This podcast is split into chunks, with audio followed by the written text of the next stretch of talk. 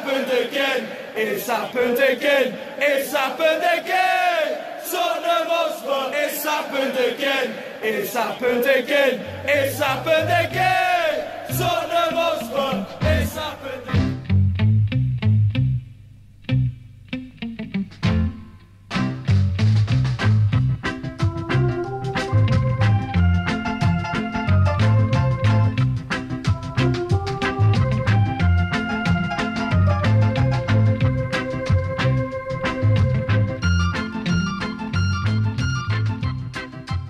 ...2-0 till Chelsea. Tottenham förnedrade, Mourinho förnedrade och Frank Lampard besegrade ju då sin mästare som han då har, eller som det då har utspelats i media för att eh, Ja, vi alla vet ju om att eh, Frank Lampard hade ju en av sina bästa stunder här i Chelsea under Mourinho. Men nu är det lite ombytta roller här efter den här matchen, Kevin. Och eh, vi spelade in det här bara någon timme efter slutsignal. Och eh, vad känner du just nu? Det är ju glädje antar jag. Ja, fan alltså man har suttit och väntat in julen lite, käkat lite julkäk och så har man klämt den här matchen samtidigt. Och jag ska vara ärlig, jag hade ångest innan matchen och speciellt med laguttagningen som vi kommer in på. Men just nu är det bara glädje och jag såg eh, kommen- kommentarerna från Mourinho efter matchen och det är gamla Mourinho är tillbaka, eh, vilket är också härligt för oss Chelsea-supportrar. Och så får han hålla på med sina svinnerier på andra sidan London i det sämre laget. Ja, fördelen är att vi tänkte ju spela in typ precis efter slutsignal, men vi fick lite förhinder där och eh, nu kunde vi ändå ta del av presskonferensen efter matchen och det gör ju ändå mycket eh, för en sån här poddinspelning. Eh, men som du sa här, som vi säger så var det lite spontant det här och det beror ju främst då på att vi träffades ju faktiskt i fredags och spelade in två avsnitt, du, jag och Matte.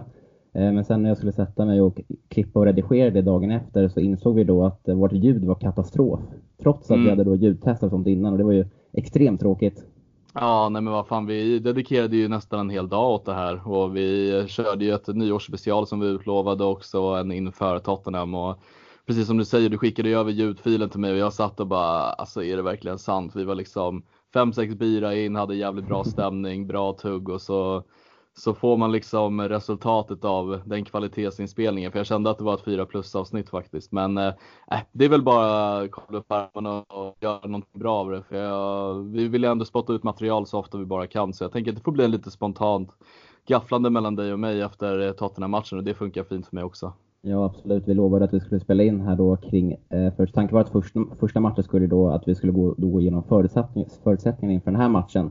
Eh, men då blir det att vi istället nu spelar in efter och eh, vi gör det lite på lite olika platser än vad vi är vana på att spela in och vi ljudtestar lite här innan också. Det låter inte lika klockrent som det bör göra eller ska göra men det är ändå, det, det- ska såklart funka, eh, funka utan problem. Och sen det andra avsnittet då som flög iväg var ju då årsspecialen som vi spelade in i fredags. Men den tänker vi att vi ska spela in på nytt här i mellandagarna och släppa då när vi då närmar oss 2020. Mm, ska bli kul och så gör vi om det på nytt och så får vi se hur det blir med ljudet. Vi kommer vara mer uppstyrda då i alla fall. Eh, så ja, nej, men det, fan, det känns bra ändå. Vi, Det är sånt som händer. Motgångar föder framgångar. Men nu skiter vi i det, för nu ska vi då såklart snacka ner den här underbara matchen som precis utspelade sig här då på Tottenham Stadium för dryga timmen sedan. Och Kevin, det var ju faktiskt en riktig 5 plus insats från samtliga. Mm, alltså verkligen. Eh, som jag sa så kan jag erkänna att jag hade väldigt mycket ångest innan den matchen. För jag tänkte, med den formen som eh, Chelsea kom med så kändes det lite, lite vemodigt. Och så fick man se lagställningen och jag tänkte, ah fan, det känns lite fel att slänga in Alonso som inte har spelat så mycket matcher. Och, ja, men laget i sig var lite speciellt med 3-4-3 och så, men eh, Fan man får bara gå ner på knä och buga sig för Lampard för det var ett jävla genidrag. Och, och, samtidigt, vi får ha i åtanke, nu hyllar jag grabbarna, de var väldigt, väldigt bra. Men man får också ha i åtanke att Tottenham var urusla i första halvlek och det blev inte bättre i andra halvlek heller.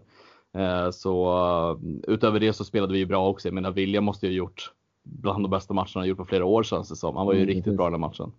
Ja men så var det absolut. Jag hade lite vi var lite, både du och jag var lite konfunderade över laguttagningen som vi då, eh, som du då nämnde och vi hade lite, eh, ja, vi ifrågasatte den väldigt mycket i våran chatt vi har, eh, du och jag.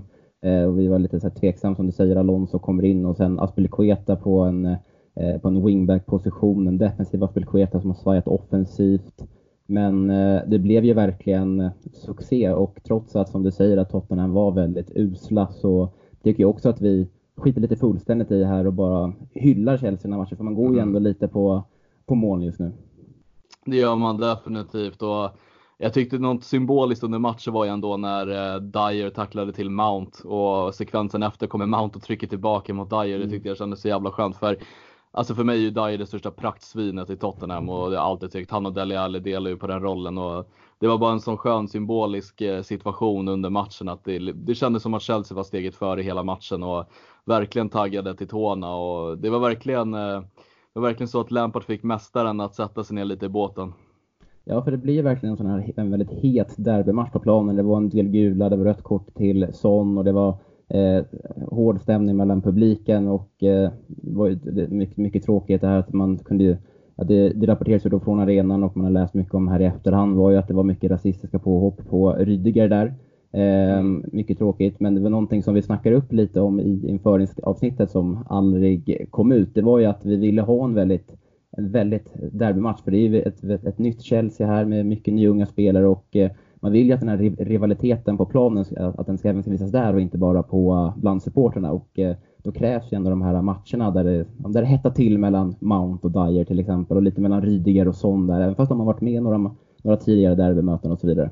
Mm, ja, men jag håller med och jag tycker verkligen att i en sån här match så steppade vi verkligen upp på ett annat sätt som vi inte har gjort tidigare. Vi hade ju dels William gjorde det genom sin prestation i matchen och Rydiger gjorde det jävligt mycket med att skälla på dels medspelare och även motspelare och domaren och liksom visa lite grinta. Jag tycker det är det vi har saknat i mycket matcher och speciellt mot storlagen där vi har vikt ner oss ganska lätt. Och jag tycker verkligen att man inte ska underskatta betydelsen av att Rydiger heller är tillbaka, vilket jag tar till, mm. vill ta tillfället i akt och hylla. För han kanske inte är på toppnivå rent kvalitetsmässigt, men alltså det man ser av honom när han styr upp backlinjen, när han skäller på laget, när han mm fixar den här utvisningen på Son. Det är, det är så viktigt att ha Rydiger i laget med de ledaregenskaperna har. Och jag menar vi kan sitta individuellt och hylla varenda spelare den här matchen, men just Rydiger tycker jag stack ut jävligt mycket, utöver William då som smäller in två kassar.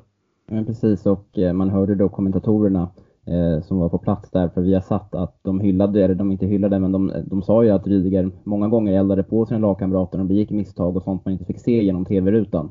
Och mm. det vi också varit inne på lite, det var som har saknats Eh, i Chelsea den här hösten, kanske. Men eh, som vi sa där så, eller Lampard han roterar ju om rätt grovt och byter spelsystem. Många nya spelare som kom in och spelade från start. Eh, och det var ju ett, verkligen ett, var ett masterclass Frank Lampard genidrag där man kan hylla, om man kan hylla någon mer där i, i, genom några bara ord. Men han har ju sagt tidigare att han vill vara väldigt anpassningsbar här och eh, det visade, visade sig han att Chelsea kan vara och det var ingenting som José Mourinho var förberedd på att vi skulle spela så här och ställa upp så här framförallt. Nej men verkligen. Och nu är det ju tur att vi inte har matte med oss i det här avsnittet för vi vet ju att han är rätt anti skiftning av formationer och så men det här är det jag också uppskattar och det jag försökt uppa tidigare om vad jag gillar med formationsbyten och anpassningar att man kan överraska en tränare i en sån här matchspel och ställa upp med ett helt oväntat lag och ett helt annat spel. För det tycker jag att vi gör. Nu kunde man ju se liksom på ett annat sätt hur vi bryter linjer till skillnad från mm. de gånger vi har mött Bournemouth och West Ham. Att okej, okay, nu är det en annan matchbild. Vi möter Tottenham som är betydligt bättre och det passar oss, som jag alltid har sagt, bättre också med att möta ett lite större lag. Men jag tycker också med den här formationen tycker jag väldigt tydligt hur brett vi var med alla spelare, vilket gjorde det omöjligt för Tottenham-spelarna att täcka alla ytor.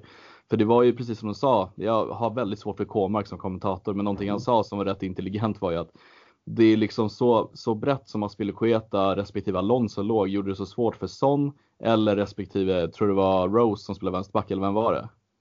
Eh, Rose kom in där i andra halvlek. Vänsterback, ja. de, var de, han var väl inne på lite det här resonemanget att Son skulle upp i press men det skulle han inte ja, alls Det var Bertongen och Alderweireld ja, som var helt i position. Och, jag har inte Spurs startelva framför mig, det var väldigt mycket fokus på Chelsea. Oh. Lite Spurs som man lite, lite glömt bort här efter, i efterhand. Mm, ja, precis. lite. Ja, och man skiter egentligen i Tottenhams skam som spelare, men det var mer bara hela grejen att det gjorde väldigt svårt för Tottenham att kunna markera någon av Chelsea-spelen, var väldigt svåra att få tag på. Sen så någonting viktigt, vi vinner ju mittfältet också. Med Kanté mm. som jag tycker äntligen fick rätt position på det centrala mittfältet att få städa, stänga ytor och det är där han visar hur bra han är. Jag tycker också att han gör en av sina bästa matcher sedan han kom tillbaka från sin skada. Och han överglänste Kovacic den här matchen. Så att, eh, jag tycker allting var klockrent av Lampard och spelarnas insats. Det var faktiskt magiskt att se den här matchen. Ja, framförallt och Kovacic också där som var inblandad i den situationen med Dele Alli där som resulterade i ett gult kort för båda. Det var ju lite, de bröstade upp sig lite mot varandra där. Mm. Eh, och eh, den här matchen var lite en, en liten annan sida var också har vi, har vi vana att se Kovacic den här hösten. Det var inte de här att han gled förbi motståndarna liksom hela tiden som, som vi är vana vid, utan han står ju också för en väldigt bra defensiv insats. Mm. Ja men det är ju någonting jag tycker han har i sin repertoar att han är ju extremt bra bollvinnare och han är även bra på att täcka ytor och det är jävligt kul att se honom brösta lite mot Alice som är en annan spelare i Tottenham jag inte heller klarar för den delen. Och det är ju Ali som skapar situationen genom att hoppa upp på hans rygg och tackla honom efter och dra honom med tröjan. Och, alltså det är bara bra att spelare står upp för sig själva. Det är det som skapar också den här triggern att man kanske kommer igång mycket mer och kämpar ännu mer för laget och skapar den här grinten. Så att, eh, det var, eh, jag vet inte, det är svårt att sätta ord på hur bra insats det var, men det känns så jävla skönt att slå Tottenham borta. Ja, framförallt. Och eh, det var ju en match som man liksom inför lite, alltså att, att Tottenham kom där liksom med de hade ett par, ett par matcher i rad utan förlust, men Chelsea har torskat fyra, fyra av de fem senaste matcherna i Premier League. Och på förhand så satt man ju där i soffan och var, och var väldigt nöjd om det skulle bli ett 0-0, 1-1 eller 2-2, ett oavgjort resultat helt enkelt. Men nu blir det helt annat och mot det motståndet också som ändå, som enligt, som enligt dig i alla fall ser upp som i alla fall din värsta hatmotståndare. Mm, ja, nej, jag har, alltså jag har ingen anekdot som kanske Mattias skulle haft att bestämma way, eller be, bättre berätta way back eh, eller något sånt. Men det är bara mer att varje gång vi har mött Spurs så tycker jag att det, det är många spelare i Spurs lag som, eh, som har spelat jävligt vidrigt och beter sig jävligt äckligt på planen. Och Samtidigt, alltså de kanske tyckte att Chelsea-spelarna var rätt vidriga idag. Jag menar, jag kan tänka mig folk snackar om att Rydiger filmade när sån sparkar mot honom och så vidare. Det är väl det som krävs i lagen liksom. Eh, men eh, jag vet inte, jag har bara svårt generellt för det och det kändes skönt att dels sätta 2-0, få en spelare utvisad i Tottenham och sen eh, på, på deras hemmaplan spela ut dem de sista, den sista kvarten och också bara låta bollen rulla. Det var fantastiskt att se. Sen är det såklart tråkigt med de rasistiska ramsorna som, eh, som sjungs mot eh, Chelsea-spelare. Och man ska inte bara beskylla Tottenham-fans, det sker ju lite överallt i England och det ska ju såklart inte finnas och existera men det finns ju tyvärr dumhuvuden som fortfarande sysslar med sånt och inte vet vad de snackar om. Och, nej, jag vet inte, det är, mm. det, det är tråkigt, det slänger ett mörker på, på den här matchen för Chelseas del men fan det är bara att gå vidare, anmäla skiten och se till att den jäveln som skriker blir anmäld. Ja, precis. Och ja, det är verkligen någonting som de måste få bukt med i, ja, i, framförallt i samhället i stort, men också på fotbollsarenorna ute lite överallt i Europa. Eh, men om vi ser då för första gången känns det i alla fall som att Chelsea fick några VAR-beslut med sig. Vi fick en straff där när Gazzaniga var lite fel ute mot Alonso, eller väldigt fel ute ska sägas. Eh, och sedan så fick vi även det här röda kortet på Son efter, han, efter en liten ful efterslängning från honom i eh, Eh, efter att Rydiger hade tacklat, tacklat ner honom och han hade faktiskt fått en frispark där med sig. Det var, det var mm. väl så? Mm, ja men det stämmer mm. Och Nej, det är tyck... skönt att vi fick det med oss för en skull. För jag, såg, jag, jag är inte helt uppdaterad på den statistiken, men jag såg bara för ett par veckor sedan att Chelsea var i det laget som typ fått flest VAR-beslut emot sig under de här inledande, det var kanske var då 14-15 matcherna. Eh, men om vi stannar kvar lite, jag tycker att den första eh, situationen där med Gazzaniga, den är ju 100% solklar. Ja, alltså för mig är det fantastiskt hur domaren kan döma frispark innan han väljer att använda sig av VAR och få till en straff. För alltså jag satt i tv-soffan och bara, vänta nu, snubben kommer ut med någon kung fu-spark mot ansiktet och får frisparken med sig. Alltså det, det, det var för mig alltså parodiskt att se att domare är så jävla blåögda och bara liksom så fort målvakten får någon typ av kontakt emot sig så är det direkt en frispark till målvakten. Och man kunde ju mm. se på reprisen att uh, Gazzaniga kommer med benet ovanför huvudet på Alonso så att nej, det var en solklar straff. Det, det, jag, jag, förstår egentligen inte varför VAR ska kliva in i den bilden från första början. Det ska domaren se. Han står ju väldigt nära också vilket gör mig ännu mer förvånad. Men ja, det kanske inte är jättelätt att vara domare alla gånger. Det var ju samma sak med den andra situationen också. Domaren står ju liksom två meter ifrån situationen mm. och Ändå så tar han fram eh, sin hand och dömer frispark till, eh, till Tottenham där. Men i, i de här två situationerna så är det ju otroligt skönt att VAR finns. Men samtidigt kanske man också ska ha med sig här i domarens bedömning att det blivit lite passivt eh, från deras sida med tanke på att de ändå kan störa sig från VAR, eller till VAR hela tiden. Mm. Eh, så det kanske, eh, så utfallet kanske hade blivit annorlunda om det var de gamla direktiven. Det kan vi inte sitta här och spekulera i, men Eh, om vi kollar på den andra situationen då, som resulterade i då att Son fick ett rött kort. Eh, vad var känslan där för dig? Jag tyckte först att den var lite tveksam, eh, men sen ändrade jag mig faktiskt och tyckte att det där är ju ett solklart rött kort, även fast Rydiger kanske filmar lite. Men det känner att jag skiter fullständigt i det i efterhand. Jag skiter fullständigt i också att jag tog in Son i mitt FBL-lag och tog minus fyra poäng och satte binden på honom för jag var liksom helt övertygad inför om att, inför att Tottenham skulle köra över Chelsea och eh, som skulle vara helt inblandad i det. Men det är sånt man mm. lägger åt sidan och bara skiter fullständigt i nu. Och eh, det är bara eh, ren glädje. Men det var ju någonting som Mourinho var ute och svingade här. Du sa ju att du hade kollat lite på presskonferensen efter och eh, Mourinho tyckte inte det var, att det inte var rött kort medan Frank Lampard tyckte att det var det. Mourinho valde istället att säga där att ja, han undrar hur det var med Rydiger, om, han, om det var några knäckta revben eller inte.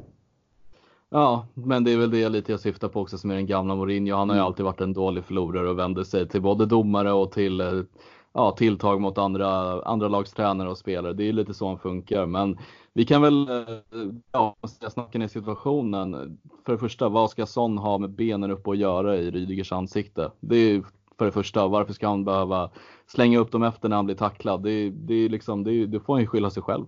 Mm. Sen så är det ju självklart att Ryge förstärker situationen, men det hade jag också gjort om jag var ute på planen och någon jävel kör upp dobbarna mot ansiktet på mig. Då, då hade jag också försökt få ut den personen. Och jag såg lite kommentarer på, jag tror det var Ledley Kings knä hade lagt upp någonting på Twitter och folk folk började liksom gapa mot Rydiger att han filmar hit och dit och jag är så här, alltså hade det varit någon i Chelseas lag som hade lagt upp dobbarna mot ansiktet så hade jag nog inte känt att den killen i motsatta laget hade filmat. Hade känt bara varför behöver du ens liksom göra någon typ av mm. eftersläng efter? Det, det, liksom, det faller ju på sån från början så att det, Precis. jag vet man, inte och det är patetiskt. Man har ju lite med sig också att Son har lite blivit den spelaren för det är hans tredje röda kort eh, under 2019. Det var ju det mot Bournemouth på grund av en eftersläng. Sen var det mot eh, Everton, eh, också en liten eftersläng som sedan då resulterade i att André Gomes bröt benet, även för att man inte kanske ska hävda att det var Sons fel, utan det var mer, mer en olycka. Men Son som ändå verkar vara den här snälla och sympatiska spelaren, han har, topplocket kan ju gå på honom för några millisekunder, som mm. resulterar i ett rött kort. Och det tror jag eh, många supportrar nu börjar få med sig, och även domarkåren, för det har ändå varit lite spelare som under, den här, under, under de senaste åren är det som det alltid har varit att vissa spelare har de ett extra öga på för att de brukar vara inblandade i just sådana situationer. Mm, men ändå kommer säkert media och Tottenham-fans måla upp eh, Son när han eh, stannar för övergångsstället eller någonting som världens snällaste människa. Det är väl ja, så. Vilken kille alltså. Ja, vilken kille som eh, hjälper en tant över gatan eller vad det nu kan vara. Det, det är så Son funkar. Han har ju blivit målad upp till skyarna som världens snällaste fotbollsspelare. Men Såklart, han är väl säkert en jättebra person utanför planen men topplocket har ju gått några gånger och han har ju satt sig själv i den situationen så att han får väl bara jobba vidare. Sen skiter mm. jag totalt i hur det går för honom. Vi tänkte att vi skulle sätta enskilda betyg för varje spelare i det här avsnittet men innan vi gör det så vill jag ändå isolera lite Mounts insats här för jag tycker att han var helt fenomenal idag faktiskt. Ja, nej men verkligen. Ja, håller verkligen med. Jag tycker att han idag hittar han verkligen rätt i den här äh, rollen mellan mittfältet och anfallet. Han linkade upp väldigt, väldigt bra och William fick en väldigt bra fri roll på grund av det också med, med Mount som assisterade väldigt mycket med passningar och kämpade och slet och Nej, det var verkligen, Mount, gjorde verkligen en, en av sina insatser på Chelsea, i Chelsea på sistone. Han har ju varit lite låganmäld de senaste matcherna men idag kom han till sin rätt och jag tycker också om man får uppa lite en till spelare som jag tycker gör ett väldigt bra jobb. Det är Abraham också tycker jag som Absolut. kämpar jävligt mycket med Tottenhams mittbackar och det är ju inte en lätt match för honom heller då han möter ju ändå Alderfereid och Sanchez och Fertongen där på vänsterbacken. Det är tre ganska bra mittbackar att stångas mot hela tiden och jag tycker han, han gör det jävligt bra efter förutsättningarna. Sen att han inte gör mål är jävligt synd för det tycker jag han förtjänar. Men eh, bra krigarinsats från Abraham också utöver Mounts jätte, jättebra prestation. Ja, det är kul att eh, talangerna, akademispelarna, att de steppar fram också mot just Spurs där som är väldigt inne på att vi ändå få tillbaka lite den här derbykaraktären, att den måste komma till liv igen. Eh, mm. Men jag håller med dig, jag alltid säger det, både om Mount och Abraham. Men Eh, i Mount där, alltså jag, både du och jag var lite kritiska över den uttagningen till en början i det här spelsystemet. Men han, som du säger, kommer ju helt i sin rätt matchen igenom. Eh, det enda man kanske kunde saknat lite om man ska, hitta, om man ska sätta på sig de kritiska glasögonen så kan det vara att slutprodukten kanske inte riktigt fanns där. För han hade ett par lägen i alla fall som man ändå kunde önska att han kunde förvaltat lite bättre. Men det spelar egentligen ingen roll heller nu när, slutsiff när slutsiffrorna blev ändå 2-0 till Chelsea. Mm. Ja, nej men verkligen. Jag, jag har faktiskt inget mer att säga, jag bara instämmer. Jag tycker det var alltså, verkligen en jättebra insats av Mount och jag, alltså, hela laget ska ha en stor eloge för jag tycker inte det är någon på planen som är under något godkänt betyg. Till och med Kepa gör en helt okej okay match fast han inte fick så mycket skott på sig. Men jävlar vilken smäll han fick dock. Ja, och så fick jag en jävla kyss.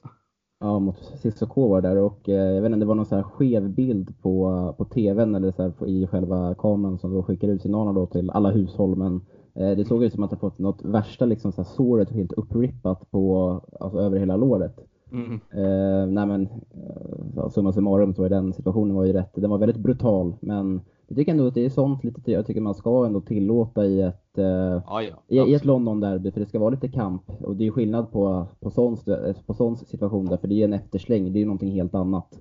Mm. Eh, så då ska man ju åka ut såklart, men jag gillar ändå när två spelare går in för det till 100% och eh, det smäller till lite helt enkelt.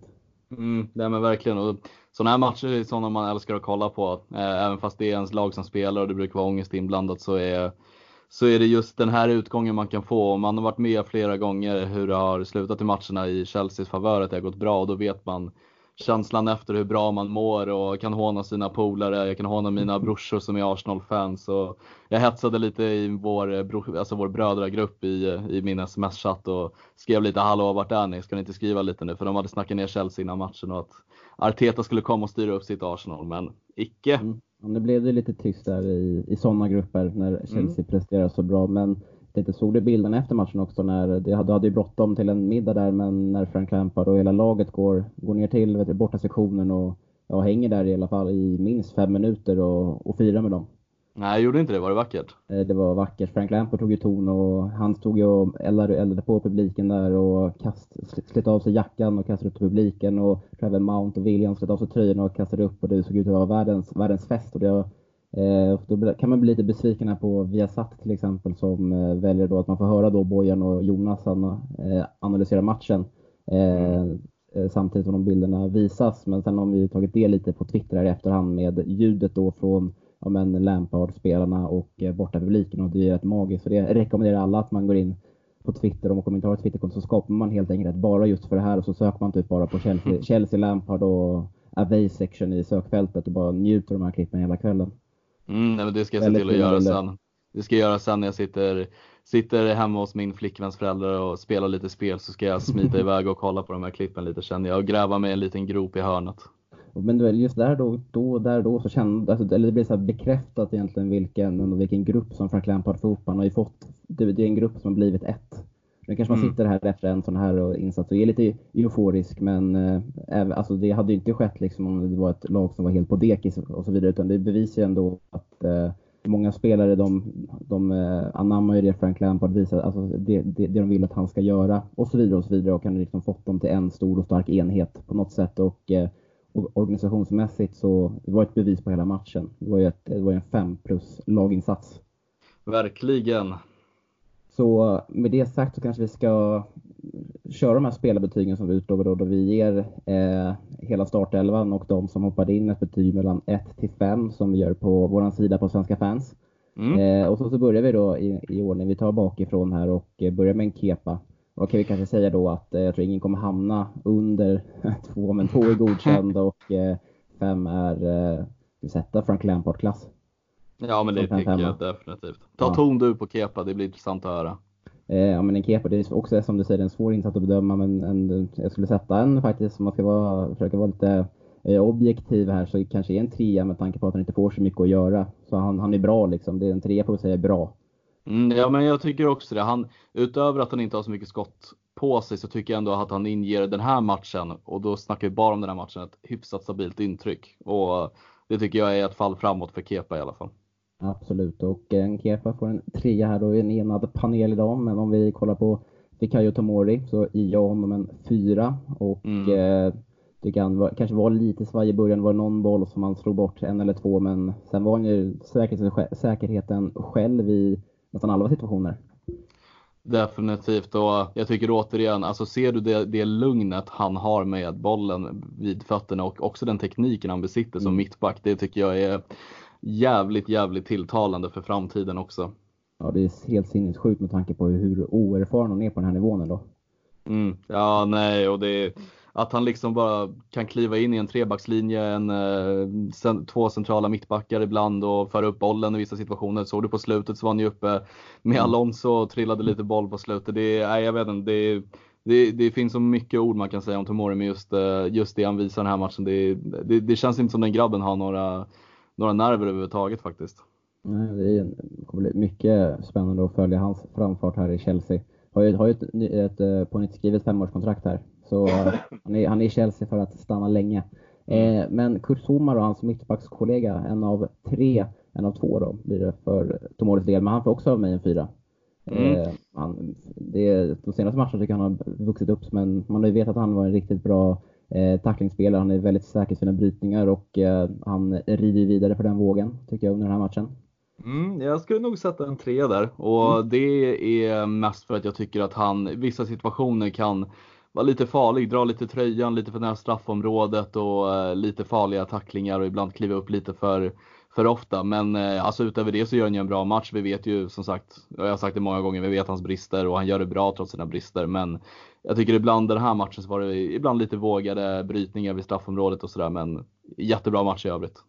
Ja, jag känner mig så mycket att han, att han får en fyra, men också främst för att eh, Chelsea håller nollan också. Det är ju på grund av att han är bra. Mm. Att Zuma ja, är bra som, som sina kollegor. Eh, och eh, med det argumentet så ger jag faktiskt Rydiger samma betyg. Han får en fyra av mig. Ja, men Rydiger tycker jag definitivt ska ha en fyra. Jag tycker det också för, som jag sa tidigare och var inne på, att jag tycker att han styr upp den här backlinjen och det, man märker att det är hans röst som folk lyssnar på. Och inte bara i backlinjen, jag tycker många i laget verkligen får respekt av Rydiger när han väl är ute och ryter mot andra människor. Det tycker jag passar en herre som Rydiger. Mm, absolut.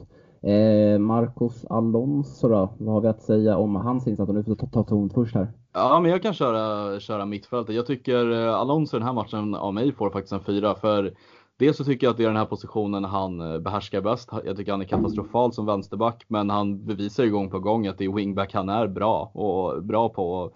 Jag tycker dock, jag har lite svårt för hans sätt. Jag tycker att han filmar lite väl extra och lite för mycket ibland och kan se lite långsam och loj ut. Men jag tycker fortfarande att han, han är ju ändå där och orsakar en straff eh, till vår mm. fördel och han är väldigt giftig och offensiv.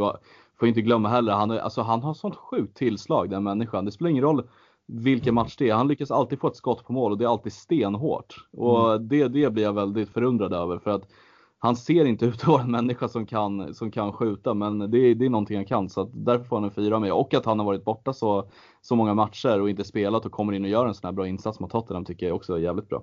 Ja, det var man i alla fall. Jag var lite orolig, orolig över inför att han kanske kunde vara lite rostig, men han är ju faktiskt säkert själv den här matchen och visade varför Antonio Conte spelade, den, spelade han i den positionen när han var tränare för Chelsea och varför Antonio Conte ville värva Ante inte nu i januari. Mm. Han är ju på wingback, wingbacken är han ju mycket bra. Det är en helt annan Alonso man får se än när han får spela på långt ner i en ytterbacksposition. Mm. Eh, så om vi ska fortsätta på den, lite på den här inslagna vägen i vissa matcher så det är absolut en mycket bra spelare att ha i truppen. Ja. Eh, någonting mer att säga om Alonso där, eller ska vi ta oss vidare? Nej, ta oss vidare. Mm. N'Golo Kanté då, den tyckte du var fenomenal här sa du. Är det en femma? Ja. Är det första femman som kommer nu? Ja, det är snudd på femma faktiskt, för jag tycker eh, Alltså just prestationen i matchen i sig, det är ju en typisk Kanté-insats, täcker ytor, Eh, Eh, jag tycker ibland att han kan vara lite feg i offensiven och det symboliserar väl lite personligheten hos Kanté att han är lite tillbakadragen och sådär och vill kanske att andra tar för sig mer. Och jag tycker ibland när han kommer fram till lägen att han helst letar en passning medan han kan egentligen gå på avslut. Eh, men i övrigt, alltså han gör ju allt rätt. Han stänger ytor, han vinner boll, han krigar, han eh, Ja, jag vet inte, det, det är en typisk Conte-insats så att eh, jag tycker att det är den här positionen han ska ha. I alla fall den här eh, rollen på mittfältet att han ska städa och ligga lite tillbaka och ibland följa med upp i anfallen. Så att eh, en fyra och en halv skulle jag sätta på Conte. Mm. Jag vågar inte ge en femma. det kan bli ramaskri här men eh, ja, alltså jag håller med, håller med dig mycket. Alltså, dock ska jag vara helt ärlig och säga att Kanté såg inte jag så väldigt så mycket i, i matchen och det kanske kändes i efterhand. Det kanske bara är positivt. Mm. Med på att Nej, man men... vet liksom att det är en spelare som, eh, som arbetar i det tysta, någon som inte gör så mycket väsen av sig men ändå får jobbet gjort. Ja men exakt och det vill jag lägga till också att när jag såg att de skulle spela med Kovacic Kanté så tänkte jag ju direkt att Kovacic kommer ju inte vara den personen som ligger längst längst bak på mittfältet utan det kommer bli Kanté och det var det jag tyckte han gjorde, att han låg lite lägre än vad Kovacic gjorde även fast de låg i till viss mån ganska jämn höjd. Men jag tycker att Kantés roll i den här matchen är den han ska ha. Att han är, följer med upp ibland i anfallen men främst ska fokusera på ytorna och det tycker jag han gjorde jävligt bra. Därför är han väl lite väl mer osynlig än vanligt för ofta så har han ju fått transportera boll till skillnad mm. från andra matcher och då ser man honom mycket mer. Mm, ja men absolut och eh, om vi kollar på hans eh, innermittfältskollega Matteo Kovacic då, vad gör han för betyg? Ja, alltså jag, nu kanske jag är fel människa att fråga, men jag är ju förälskad i Kovacic. Jag tycker ja, att han växer i... den här frågan. Nej, alltså han växer i mina ögon för varje match och även den här matchen kanske inte var hans bästa, men också en kämparinsats. Han steppar upp mot Dele Alli. Jag tycker ändå, även fast han inte kommer loss lika många gånger, alltså det, det, det, är, sån, det är sånt jävla kvicksilver när han har bollen och liksom flyter ifrån spelarna i motståndarlaget så många gånger. Jag förstår riktigt hur han, hur han bär sig åt för att liksom kunna göra det, för det ser så enkelt ut. Så att, eh, jag är inte rätt man att fråga, men eh, jag tycker Kovacic gjorde en, en, en bra Kovacic-insats. En insats som jag tycker symboliserar hela hans eh, första halva av säsongen. Jag tycker han har varit fenomenal. Ja, om man, om man, som vi säger, om man kollar på eh, vad insats innebär för laget i, ikväll så, så är det ju klart en fem, plus, eh, en fem, en fem insats för, men om man bara kollar på hans eh, personliga insats, om man bara kollar på den så tycker jag man kan ge en trea faktiskt. För, mm. Samma lite där, så den sticker inte ut väldigt mycket men gör jobbet. Och, vinner mycket boll och driver, driver fram den, inte kanske lika ofta som vi brukar se honom, men eh, tillräckligt. Eh, blir utbytt ändå i matchminut 60 där omkring när Jorginho kommer in och det kanske var framförallt för att han satt med det här gula kortet och Frank Lampard ville jag kanske, kanske misstänkte kanske blir lite mer duellspel nu och då kan ju inte Kovacic ge max i det. Nej, också att han, jag tror att han har varit med om väldigt tätt matchande också. Han har ju startat väldigt, mm. väldigt många matcher och spelat många minuter. Och jag tycker det är bra att man varierar lite mellan eh, Jogge och Kovacic och Conte på mittfältet. Det är viktigt. Och Jogge är då Jorginho. Ja, såklart. Fina Jogge. Det kanske vi har börjat eh, standardisera här i CSS-podden-gruppen för vi refererar alltid till Jogge. Men eh, vi kollar ut på den höga kanten så hittar vi då Aspelekueta som eh, gör en bra insats Kevin, eller?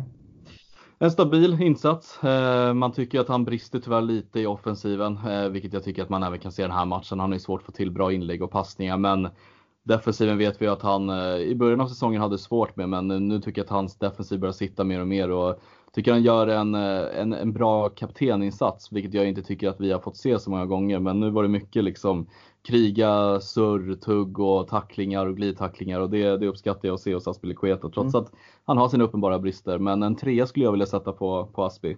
Ja, jag delar det betyget, en trea alltså. Och, eh, men det känns som att det blivit lite så här nu att man eh, han, Frank Lampard med hans intåg här så ju, vet och det såg man lite under Sarri också, då ska han ju vara lite mer offensiv i sitt spel och jag tror man bara helt enkelt får börja acceptera att eh, han håller li, li, eh, inte riktigt i det spelet och, utan har sina styrkor i defensiven.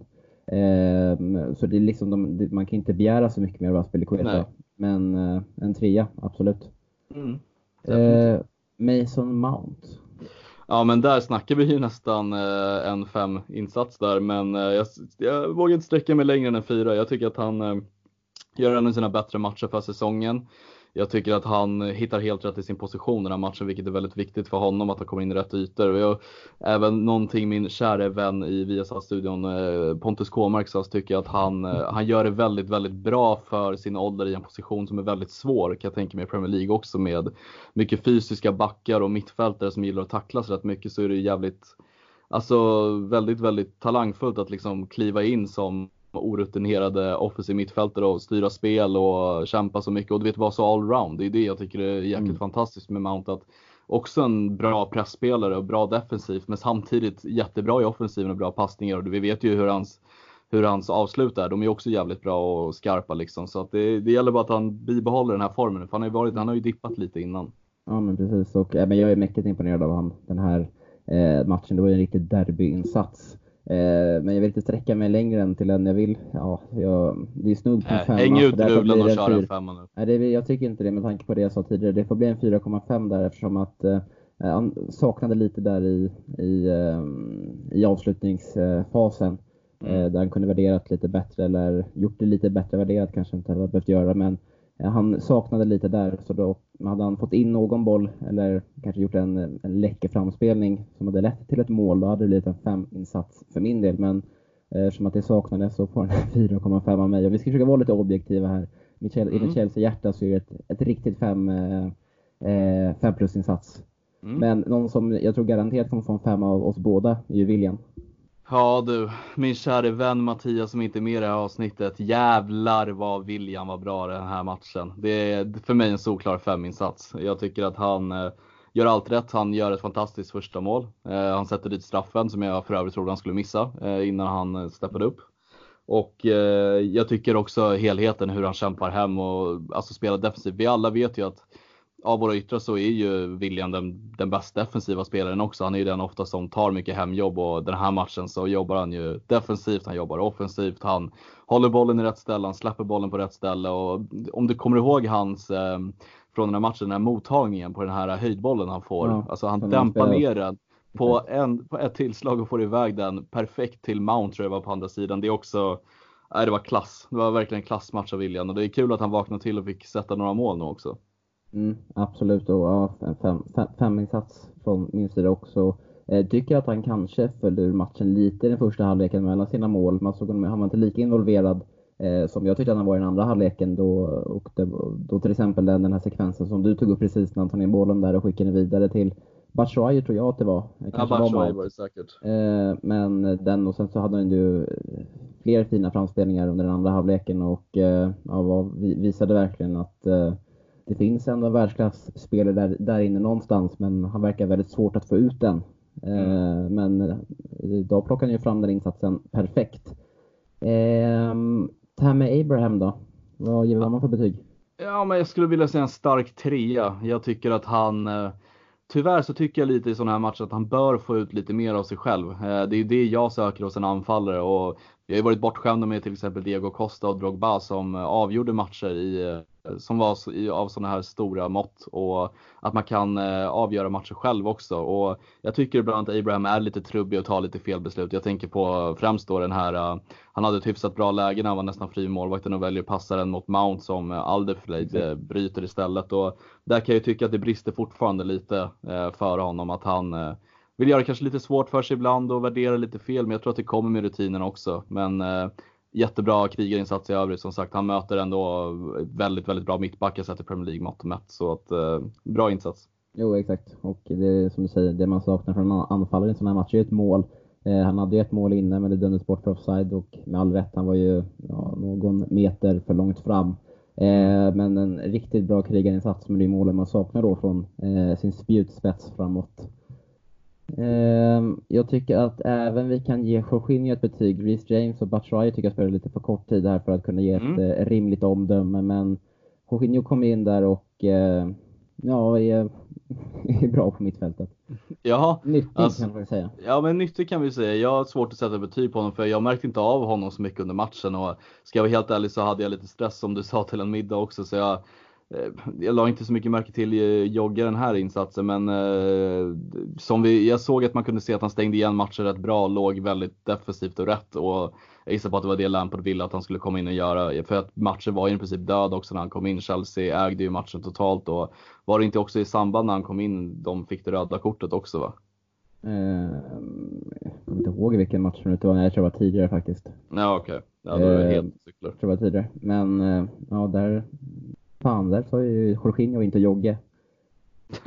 det är Jogge du ska säga. Jogge, ja, men Jogge som du säger, en, en tvåan kommer ju godkänd liksom. Han gör det bra liksom och eh, är nyttig. Mm. Syns inte så mycket men ändå fint att se att han ändå kommer in och tar fram sina ledaregenskaper och pekar och kommer in som att han har varit på planen under hela matchen liksom. Det är inga konstigheter alls på den fronten. Mm. Det värmer i alla fall eh, mig. Mm, nej men det gör det också. Får jag avsluta mm, det här avsnittet som jag tror att vi ska börja wrappa upp snart med en mm. liten, eh, liten rolig nyhet som jag läste. Mm. Det är nämligen så att eh, Borussia Dortmund jagar Tyram från eh, Borussia Mönchengladbach. Det är alltså Lilian Tyrams son som heter Marcos Tyram tror jag han heter. Mm. Och han är ju wingspelare eller anfallare. Vilket kan vara lite intressant för ett Chelsea där Sancho-ryktena verkligen börjar ta fart nu. Absolut. Eh, det, det, känns som att han blir allt närmare nu med tanke på, som du säger, att ryktena till Chelsea har ju, eh, har ju, har ju spätts på här de senaste dygnen. Samtidigt så, det, det kom ju först här från en, eh, fan det ska inte bli så mycket sille här nu, men vi kan bara nämna lite kort, men det kom ju liksom från en eh, designjournalist som ändå har varit rätt på det när det kommer till vissa Chelsea-grejer. Han breakade att Pulisic var klar och det, den ingången i Borussia och i Chelsea kan ju vara lika värdefull den här gången och sen har han ju breakat ett par fler grejer också. Mm. Eh, som jag inte minns när jag läste vilka det var eh, i samband med de här ryktena. Men det var ett, ett par stycken till. Så han, just det, The Sun, den, den, tidningen hatar vi ju. Men de har ju, verkar ju en i alla fall vass journalist som i alla fall har koll på sina Chelsea-grejer. Eh, mm. Och det är alltid kul. Men eh, Kevin, det är en, trots allt en derbyseger och vi ska runda av nu. Så hur firar du detta ikväll? Ikväll så kommer jag spela lite sällskapsspel, dricka lite glögg och sen så tänker jag avsluta med lite FM. Alltså nu är det ändå juletider, nu tänker jag fan dedikera all min tid till min flick. Nej jag ska bara, jag ska dedikera all min tid åt mig själv eh, mm. och ta hand om mig själv innan nyår för då jävlar blir det pang och bom säger jag bara. Mm, absolut. Hur ska du göra själv? Eh, jag ska sätta mig och redigera lite här nu och sen så ska jag väl eh, hänga med min flickvän och ja, eh, vi ska fira den tillsammans. Ja, men så alla kvinnliga lyssnare, det är så att Ville inte är tillgänglig, tyvärr. Jag kollar bakom och ligger bakom mig, hon har ju somnat. Ja, men då så. Det, det, ja, men jag, förvå, jag förvånas inte. Jag är förvånad själv att jag är vaken när jag pratar med dig, så, så jag, jag förstår henne. Så jag drar ner till den lokala krogen då. Så kommer ja. jag hem där lite sneaker som ingenting har hänt. Ja, perfekt. Så det ska vara. respons där bakifrån i alla fall. Så, att, så var det nog inte. Men i alla fall, härligt. Bakifrån, härligt. det lät bra. Ja, men fortsätt. Sorry. Underbart. Eh, underbar seger och den här då, nu kan vi äntligen då, äntligen, men vi kan, vi får fira jul i alla fall med, eh, med tre poäng, vilket känns otroligt skönt. Och nu väntar den här intensiva julperioden då vi tar oss an Southampton den 26 och sedan är det ett nytt derby mot Arsenal. Och planen är att vi ska då släppa ett avsnitt antingen innan Arsenal eller efter Arsenal och sedan då årsspecialen som kommer komma här när vi då närmar oss 2020 och eh, känns som en rimlig plan va? Det tycker jag och alla lyssnare får ha tålamod att vi är inga redigeringsexperter. Du är väldigt duktig på det men ibland så fuckar ljudet ur och eh, ibland så blir det inte som man vill men vi siktar på en nyårsspecial mm. och vi försöker eh, fixa lite nya idéer inför kommande år också så kommer vi säkert överraska er alla. Absolut och eh, det lämnar vi där utan avslöjar ingenting. Eh, men härligt Kevin, kul att vi kunde ses, eller inte ses, men att vi kunde höras och eh, surra, surra lite på så här kort varsel. Och eh, med det sagt så får vi då önska er alla en riktigt god jul. Detsamma, ja verkligen, jag tänkte säga detsamma, men jag önskar dig en god jul och jag önskar alla lyssnare en god jul. Och knäpp en extra bira nu för att Chelsea slog svin Tottenham.